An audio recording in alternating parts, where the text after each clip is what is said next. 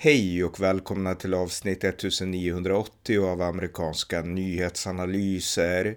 En konservativ podcast med mig, Ronny Berggren, som kan stödjas på swishnummer 070-30 28 95 0. Republikanernas primärvalsprocess inför 2024 intensifieras. Här berättar jag om de kandidater som nu är ett helhjärtat stöd till Israel på Republican Jewish Coalition Leadership Summit i Las Vegas, Nevada, samt om de republikanska kandidater som nu har kastat in handduken. Jag berättar också om det senaste som president Biden har att se upp för. Varmt välkomna!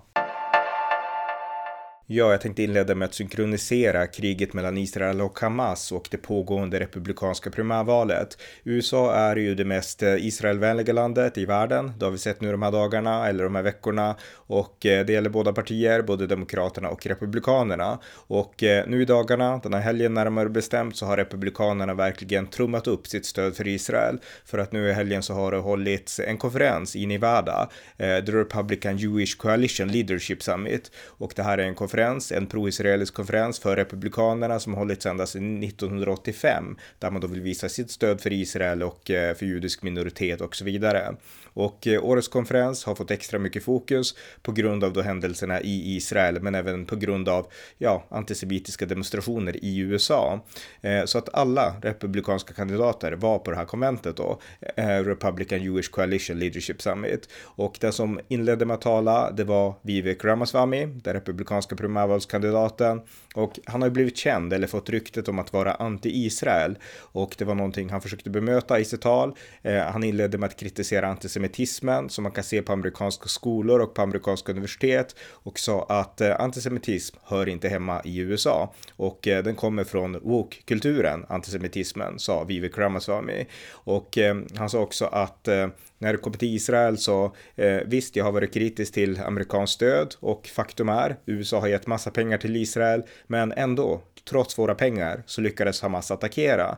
Så att eh, gör de amerikanska pengarna det verkligen bättre för Israel? Frågade Vivek Ramaswamy och han menade då att Ben Gurion, Israels första premiärminister, han sa att eh, Israel är ett land som måste gå sin egen väg och eh, då förklarade Vivek Ramaswamy att Idag så Eh, om Israel vill förstöra Hamas så ska de få göra det. Vill de förstöra Hezbollah ska de få göra det helt på egen hand och de ska inte bromsas av andra. Men det som händer när USA ger ekonomiskt stöd till Israel, då är att då får man ett koppel på Israel som gör att man kan diktera.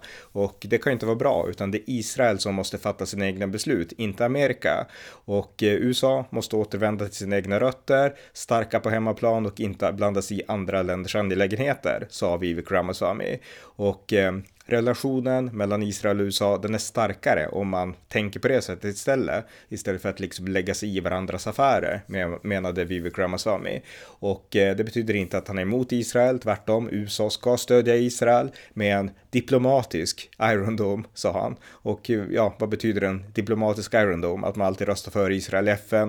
Eh, det är bra såklart, men det är liksom robotar som Israel behöver för att skjuta ner synnerligen icke-diplomatiska och verkliga militära raketer från Hamas. Så att eh, en diplomatisk Iron Dome hjälper liksom inte.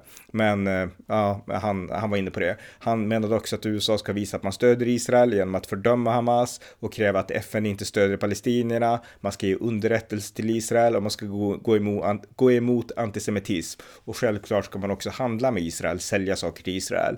Men inget militärt engagemang och eh, han tror på IDF, bara de får fria händer så kommer de att lyckas. Så sa Vivek Ramaswamy. Och min korta kommentar till det, det är att eh, hans syn på saken är inte, han är ju ingen Israel-hatare, det är han inte, men han förstår ju inte verkligheten. Alltså, Israel behöver amerikanskt stöd, både ekonomiskt och militärt, och speciellt i en stund som nu. Det går liksom inte att komma ifrån. Israel är ett pytteland, det är lika litet som Småland, och eh, de har gränser som pressas på från alla håll, vilket ni som lyssnar nu vet, för ni har sett nyheterna, ni följer med i den här podden.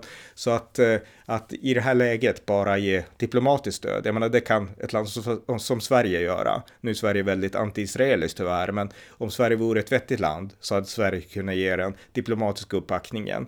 Men den militära och ekonomiska uppbackningen, det är ju den som gör USA så unik till Israel och det vill Vivek Ramaswamy rycka bort. Men han menar då att det är inte anti-israeliskt utan det är eh, pro-israeliskt att tänka så för då får Israel bli vuxna och kämpa på egen hand ungefär. Så att eh, det var hans tal. Eh, jag tyckte inte att det var så eh, övertalande, men, men det var ändå hans tal.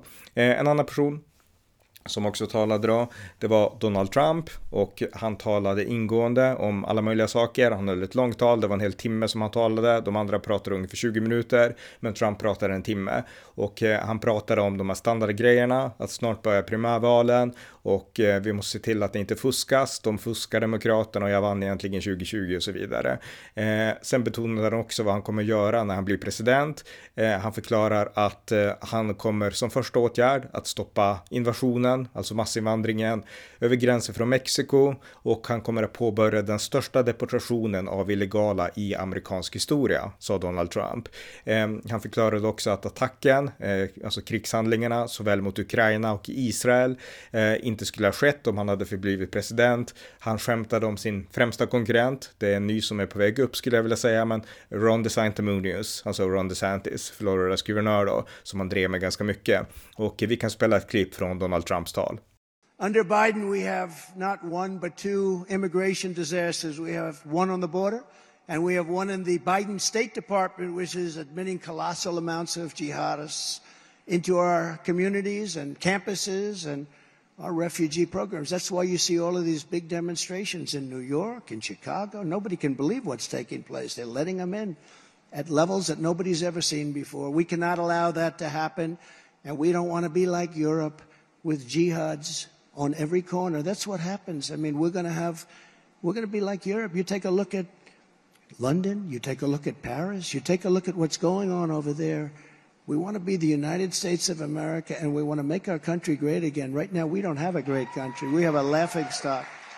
As president, I will end once and for all the mass importation of anti Semitism into the United States. And just as I did before, we will keep radical Islamic terrorists the hell out of our country. We're going to keep them out of our country. We were keeping them out. We were keeping them out. You remember the travel ban? On day one, I will restore our travel ban. We had a travel ban because we didn't want people coming into our country who really love the idea of blowing blowing our country up. Let's blow up our streets and our shopping centers and our people. So I instituted what we call the Trump travel ban, and it was a uh, an amazing success. It was suspended immediately upon his coming into the country. And I never talked about this for four years. I never mentioned it. We didn't have one incident in four years because we kept bad people the hell out of our country. We kept them out. I will cancel the student visas of Hamas and sympathizers on college campuses. The college campuses are being taken over and all of the resident aliens who joined in the pro jihadist protest this month. Nobody's ever seen anything like it. Come 2025, we will find you and we will deport you. We will deport you. But in our colleges, media, and even government, nobody's ever seen anything like Rashida Talib and Ilan Omar who openly campaign against Israel. Nobody's ever seen this before. When asked recently about rising anti Semitic hate, Joe Biden's own press secretary had nothing to say about the rabid mobs in the street. And they're shouting, kill the Jews, kill the Jews. And she had nothing to say. In fact, she stuck up for the other side. She started talking about the other side. You all saw it. Nobody could believe it. Then she came back later. She said, Oh, I misunderstood the question. As president, I will absolutely protect our Jewish citizens from these maniacs, lunatics, radical left thugs. Threats or crimes of violence against Jews will be prosecuted to the fullest extent of the law. Så det var Donald Trump och eh, som sagt han eh, hängde ut eller pekar ut eh, Ron DeSantis som Ron DeSanctimonious och Ron DeSantis talade också på den här konferensen och han var glasklar i sitt stöd till Israel. Här är ett klipp från Ron DeSantis. On October 7th, we witnessed a level of barbarity that had really been unforeseen, or that had not been seen uh, in recent decades. I remember dealing with Al Qaeda in Iraq when I was serving on active duty. We remember the horrors of ISIS. What they did, what these Hamas terrorists did, by butchering babies, by mutilating people, by taking elderly hostage, this reached a new depth for the depravity of mankind. And make no mistake about it, uh, this was the most deadly attack against Jews since the Holocaust itself. And if these barbarians had their way, they would try to do a second Holocaust right in our own time. That is the stakes of what we are facing with the Hamas attack on the people of Israel. And I don't care what imbeciles on college campuses say. I don't care what liars in the media say. I don't care what reprobates at the United Nations say. We stand with Israel.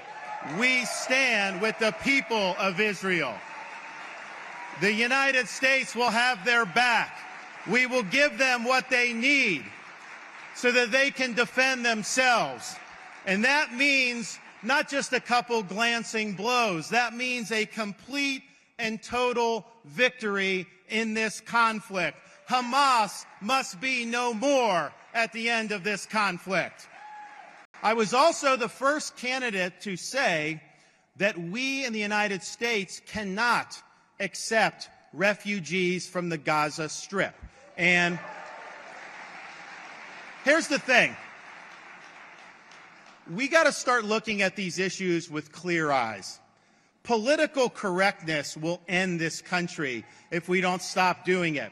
And I said you don't want the Gaza, and what they said was, well, they're not all Hamas. Well, look, they elected Hamas. Let's just be clear. They were cheering for Hamas when Hamas per- perpetrated this attack, just like they cheered when Al Qaeda knocked down the Twin Towers. They were cheering Palestinian Arabs when that happened.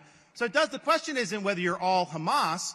The question is, do they teach young kids to hate Jews? Yes. Do they teach young kids that Israel should be wiped off the map? Actually, do they even have Israel in the map on their textbooks? No, it's not even there.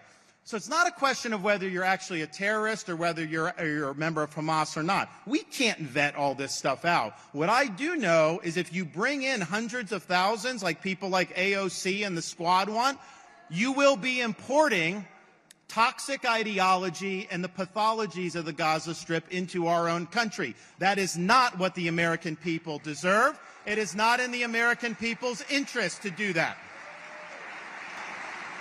And so we've got to get smart about how we handle who comes into our country. Europe, what they have done by bringing massive amounts of people into their country from the Middle East over the last 10 or 15 years, have those people assimilated into what? A no. They're bringing the same blood feuds that they're leaving in the Middle East and they're replenishing them uh, in places like Britain, in places like Germany. Germany has more anti Semitism today than at any time since Adolf Hitler, and it is because they've been reckless with who they've led into this country. So, no more political correctness. We've got to be smart about what we're doing, uh, and we can't be importing problems from other parts of the country, particularly when you hate Jews and you don't want Israel to exist. I'm not taking you in if that's your position, so just be clear.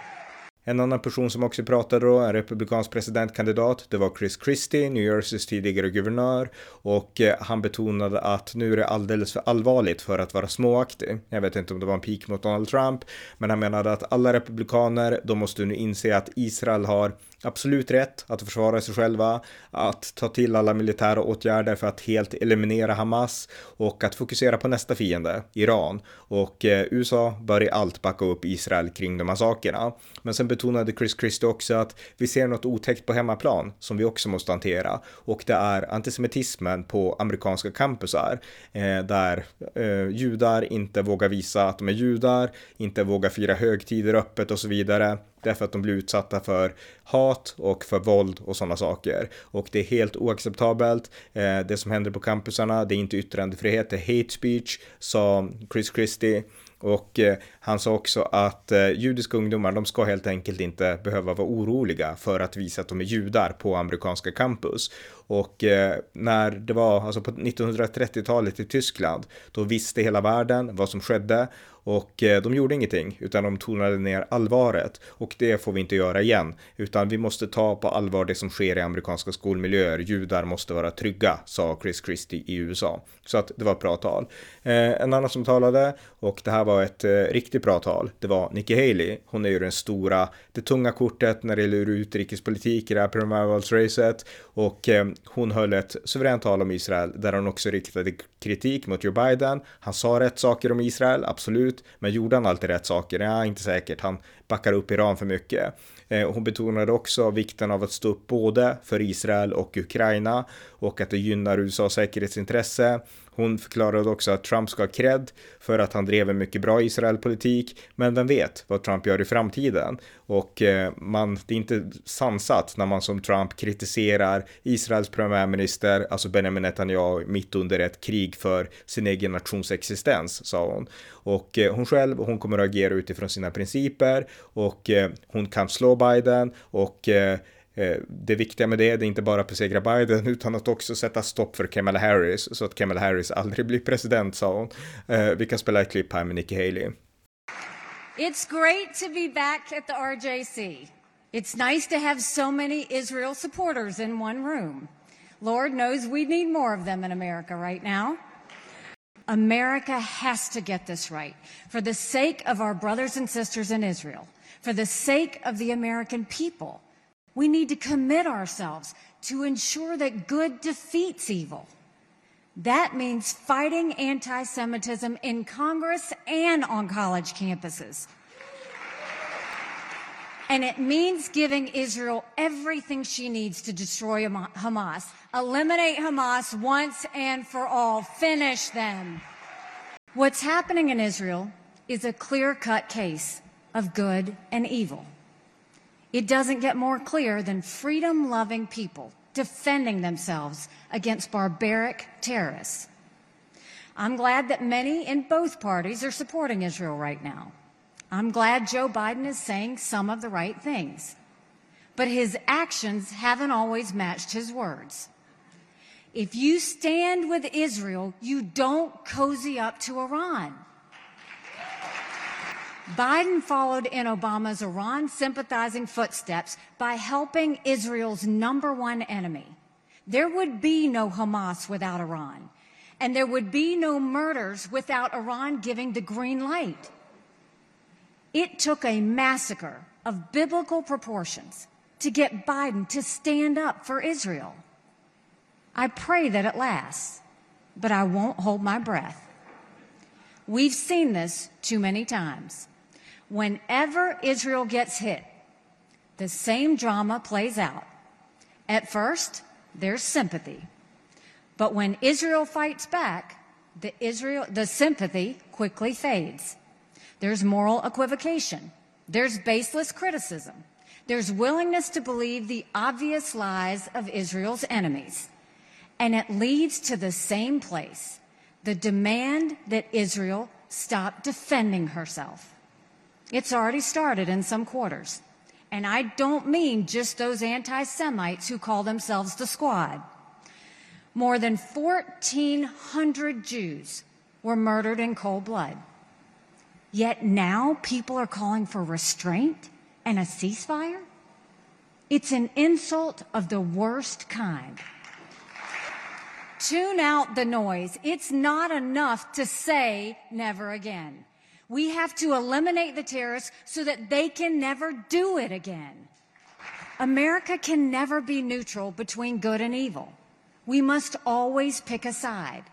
And we serve our own national interests best when we side with good. This principle matters now more than ever. But it doesn't just apply to Israel. Good and evil are at war around the world. Ukraine is a peaceful pro American country. The dictator of Russia is evil. He's a war criminal who's guilty of genocide. We should give Ukraine what it needs to kick Russia out of its country. To be clear, Israel and Ukraine have significant differences, but they have even more significant similarities. In both Israel and Ukraine, an evil regime is responsible for starting war. Iran and Russia are joined at the hip, and they're both unlimited partners of Communist China. Iran, Russia, and China are all part of an unholy alliance. They have no problem invading their neighbors. They have no regard for human life. And they all share the same goal. They want to wipe out freedom. And they hate America more than anyone.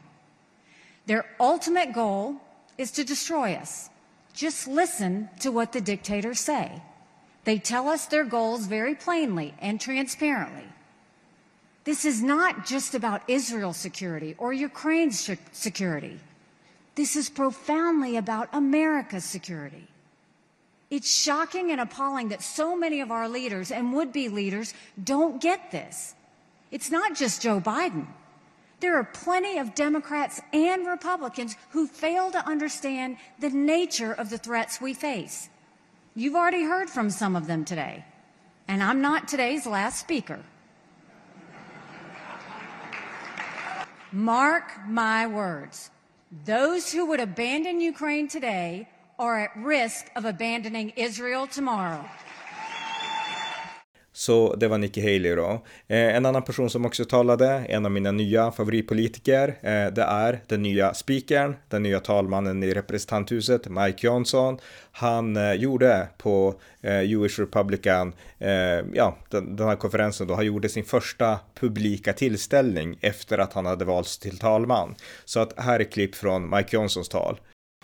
Thank you all so much. Thank you so much. Um, I, I, uh, I, arranged things rather quickly to get here with you. I haven't been in the job very long.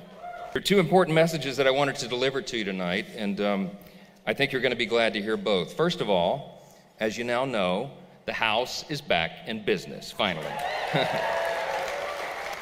the, the other message is I want to tell you, and I want to affirm what's already been said here, but we are going to stand like a rock with our friend and our ally, Israel. I promise you that will happen. I promise you. It's not an accident that the first resolution was for Israel and my first trip was to come and be with you. I want everybody to know where we stand. Yeah. But I'll tell you, when we passed that resolution, as Steve also mentioned, there were 16 members of Congress on Wednesday that did not vote for that resolution in support of Israel. You, you know, you can guess who some of the no votes were. It was the, the squad members, Rashida Tlaib and AOC and Ilhan. Omar and, and others.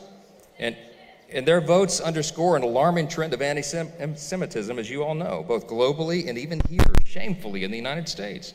And our universities, were, which used to be a, a bastion of free expression and debate, have become havens for anti Semitism. I don't give a pass to the administrators and the professors, they know exactly what they're doing. The world's oldest prejudice has become mainstream now thanks to academia and the mainstream media and fringe government figures. But we must not only call out these anti Semitic attacks, we must act. So, as Steve mentioned, in the week ahead, House Republicans will work swiftly to pass legislation to provide Israel much needed resources in their fight against these barbaric terrorists. We will stand with Israel strongly. And, and I want to echo another message uh, that, that may have been shared here over the day. This message is to the UN. There will be a ceasefire only when Hamas ceases to be a threat to Israel. Kelly and I have so enjoyed our own trips to Israel. Uh, we, most recently, we went with our, our dear friends, uh, Congressman Jim Jordan and his wife, Polly. Um, on that trip, yeah, Jim Jordan always gets a shout. That's right. He's known everywhere. We were walking down the streets of Jerusalem and people are coming up, Jim Jordan, selfies. I'm like, really? Here? And at that time they said, hey, will you take our picture? I was the photographer. seriously. Um, Prime Minister Netanyahu was gracious and invited Jim and I to come to the residence. So we had a lengthy meeting with him. And, and then we visited the, the, the embassy in Jerusalem with Ambassador Friedman. And uh, it was not long after uh, the, the, the uh, embassy had been, um, had been built and relocated. And it was a remarkable visit for us. And through our travels, our, our trips to Israel, we made many dear friends and we formed very special relationships with people. And we have been on our knees in prayer on their behalf and for all those that we know there, for their safety. Our hearts have been broken over the brutality and the war waged against the innocent people there. This morning, Prime Minister Netanyahu said uh, unequivocally this is his quote This is our second war of liberation. We're going to fight and it will be the good over evil, light over darkness. Uh, last night I spoke with him on the telephone. Um, the prime minister called me, and I, I, used those very words myself. I said, "I said, Bibi, it's good over evil. It's it's um, it's light over darkness. We all see that. We all understand that. We all know it, and the whole world knows it. But some want to turn a blind eye. It's it's it's um, it's unacceptable. I assure the prime minister of our unwavering support of Israel and her people, and I assured him that our Congress and under my leadership, we will be there until the end. We will be there until the end of this conflict. Så det var några klipp från de republikanska primärvalskandidaterna som talade på Republican Jewish Coalition Leadership Summit i Las Vegas. Och eh, det här visar verkligen att det är ett enat land, USA. Alltså ett, USA är ett land som är splittrat, men de är enade till stödet för Israel, till stödet för judisk minoritet. Det gäller både Demokraterna, Biden-administrationen och Republikanerna.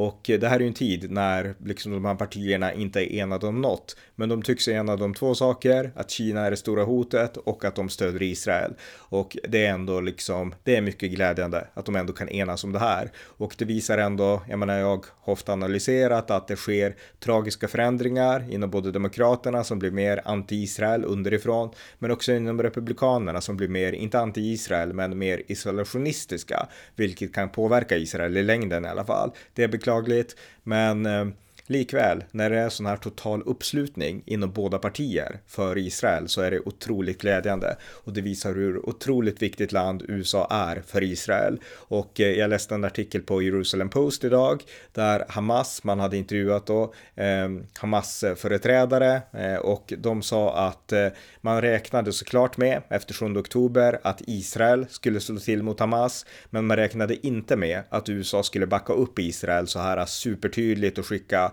Eh, hangarfartyg och allt möjligt till Mellanöstern. Det räknar man inte med. Så att eh, det amerikanska stödet för Israel, det är starkt och nu har världen fått sett det och det är otroligt glädjande att det gäller båda partier. Alltså även om det blir en ny president, även om Donald Trump blir president eller kanske Nikki Haley som jag verkligen har fått mycket respekt för nu de här dagarna hon eller någon annan, eh, alltså kommer inte att ändra kurs när det gäller Israel, utan båda partierna, Demokraterna och Republikanerna, älskar Israel, så att det är otroligt glädjande.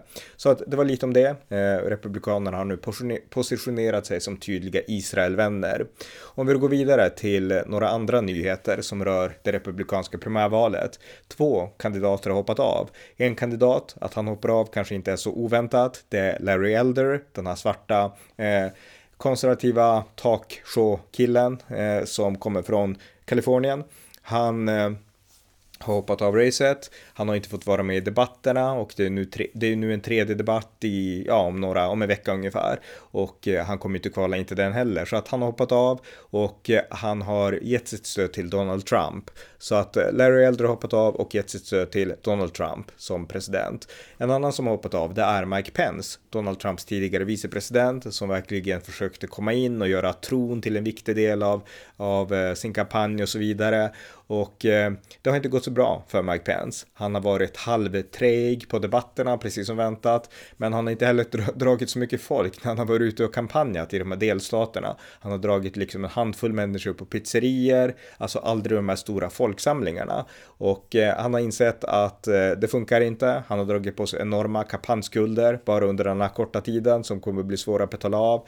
Så att han sa helt enkelt att Eh, Eh, ja, min tid är inte nu, sa han. Så vi kan spela det klippet. Han talade också på Republican Jewish Coalition. I was raised to believe that to whom much is given, much will be required. And with everything our country is facing, I just couldn't sit this one out.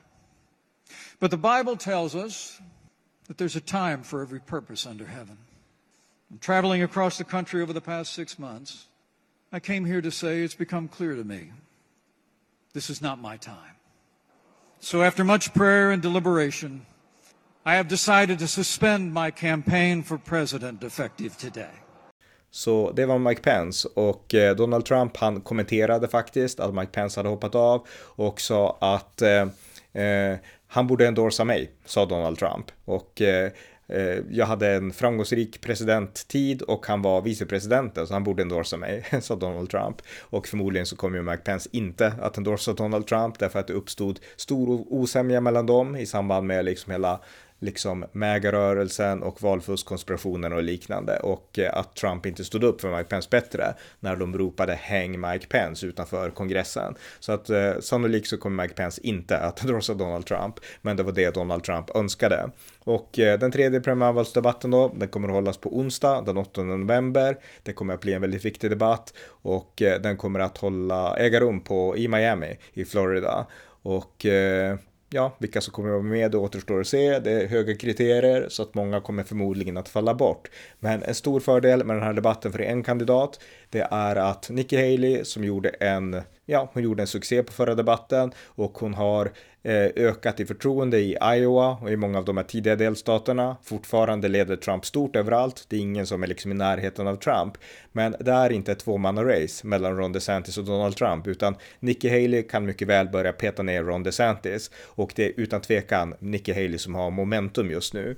Så att eh, den tredje debatten den 8 november kommer att vara viktig för alla, men kanske i synnerhet viktig för Nikki Haley. Så att det kommer bli jätteintressant att se den debatten.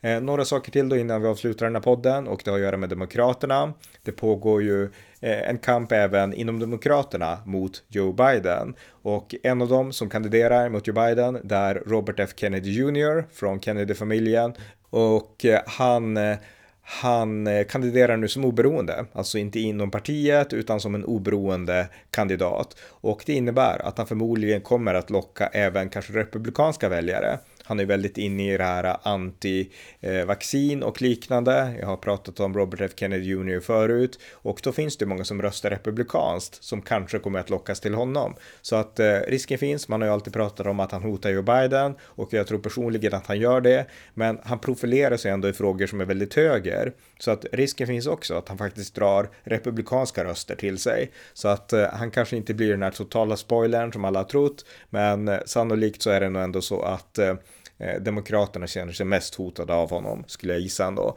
Så att eh, Robert F Kennedy Jr, eh, det känner ni till såklart redan.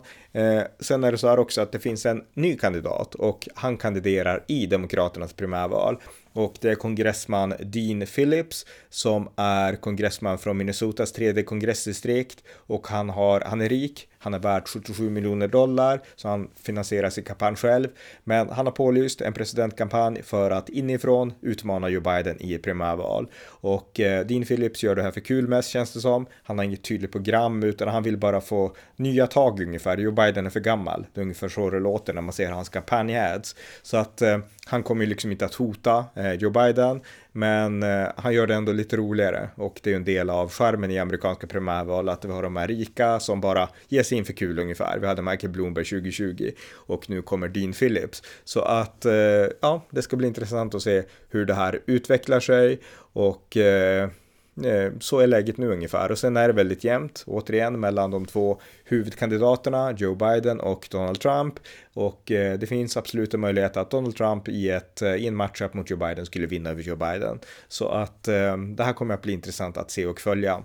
Men den stora nyheten är Mike Pence har hoppat av eh, racet, eh, men alla republikaner, inklusive Mike Pence och de kvarvarande kandidaterna är helt eh, alltså på Israels sida. Så att republikanerna, men även Biden-administrationen älskar Israel och eh, det är väl det som är liksom kontentan. USA är ett land som står upp för Israel.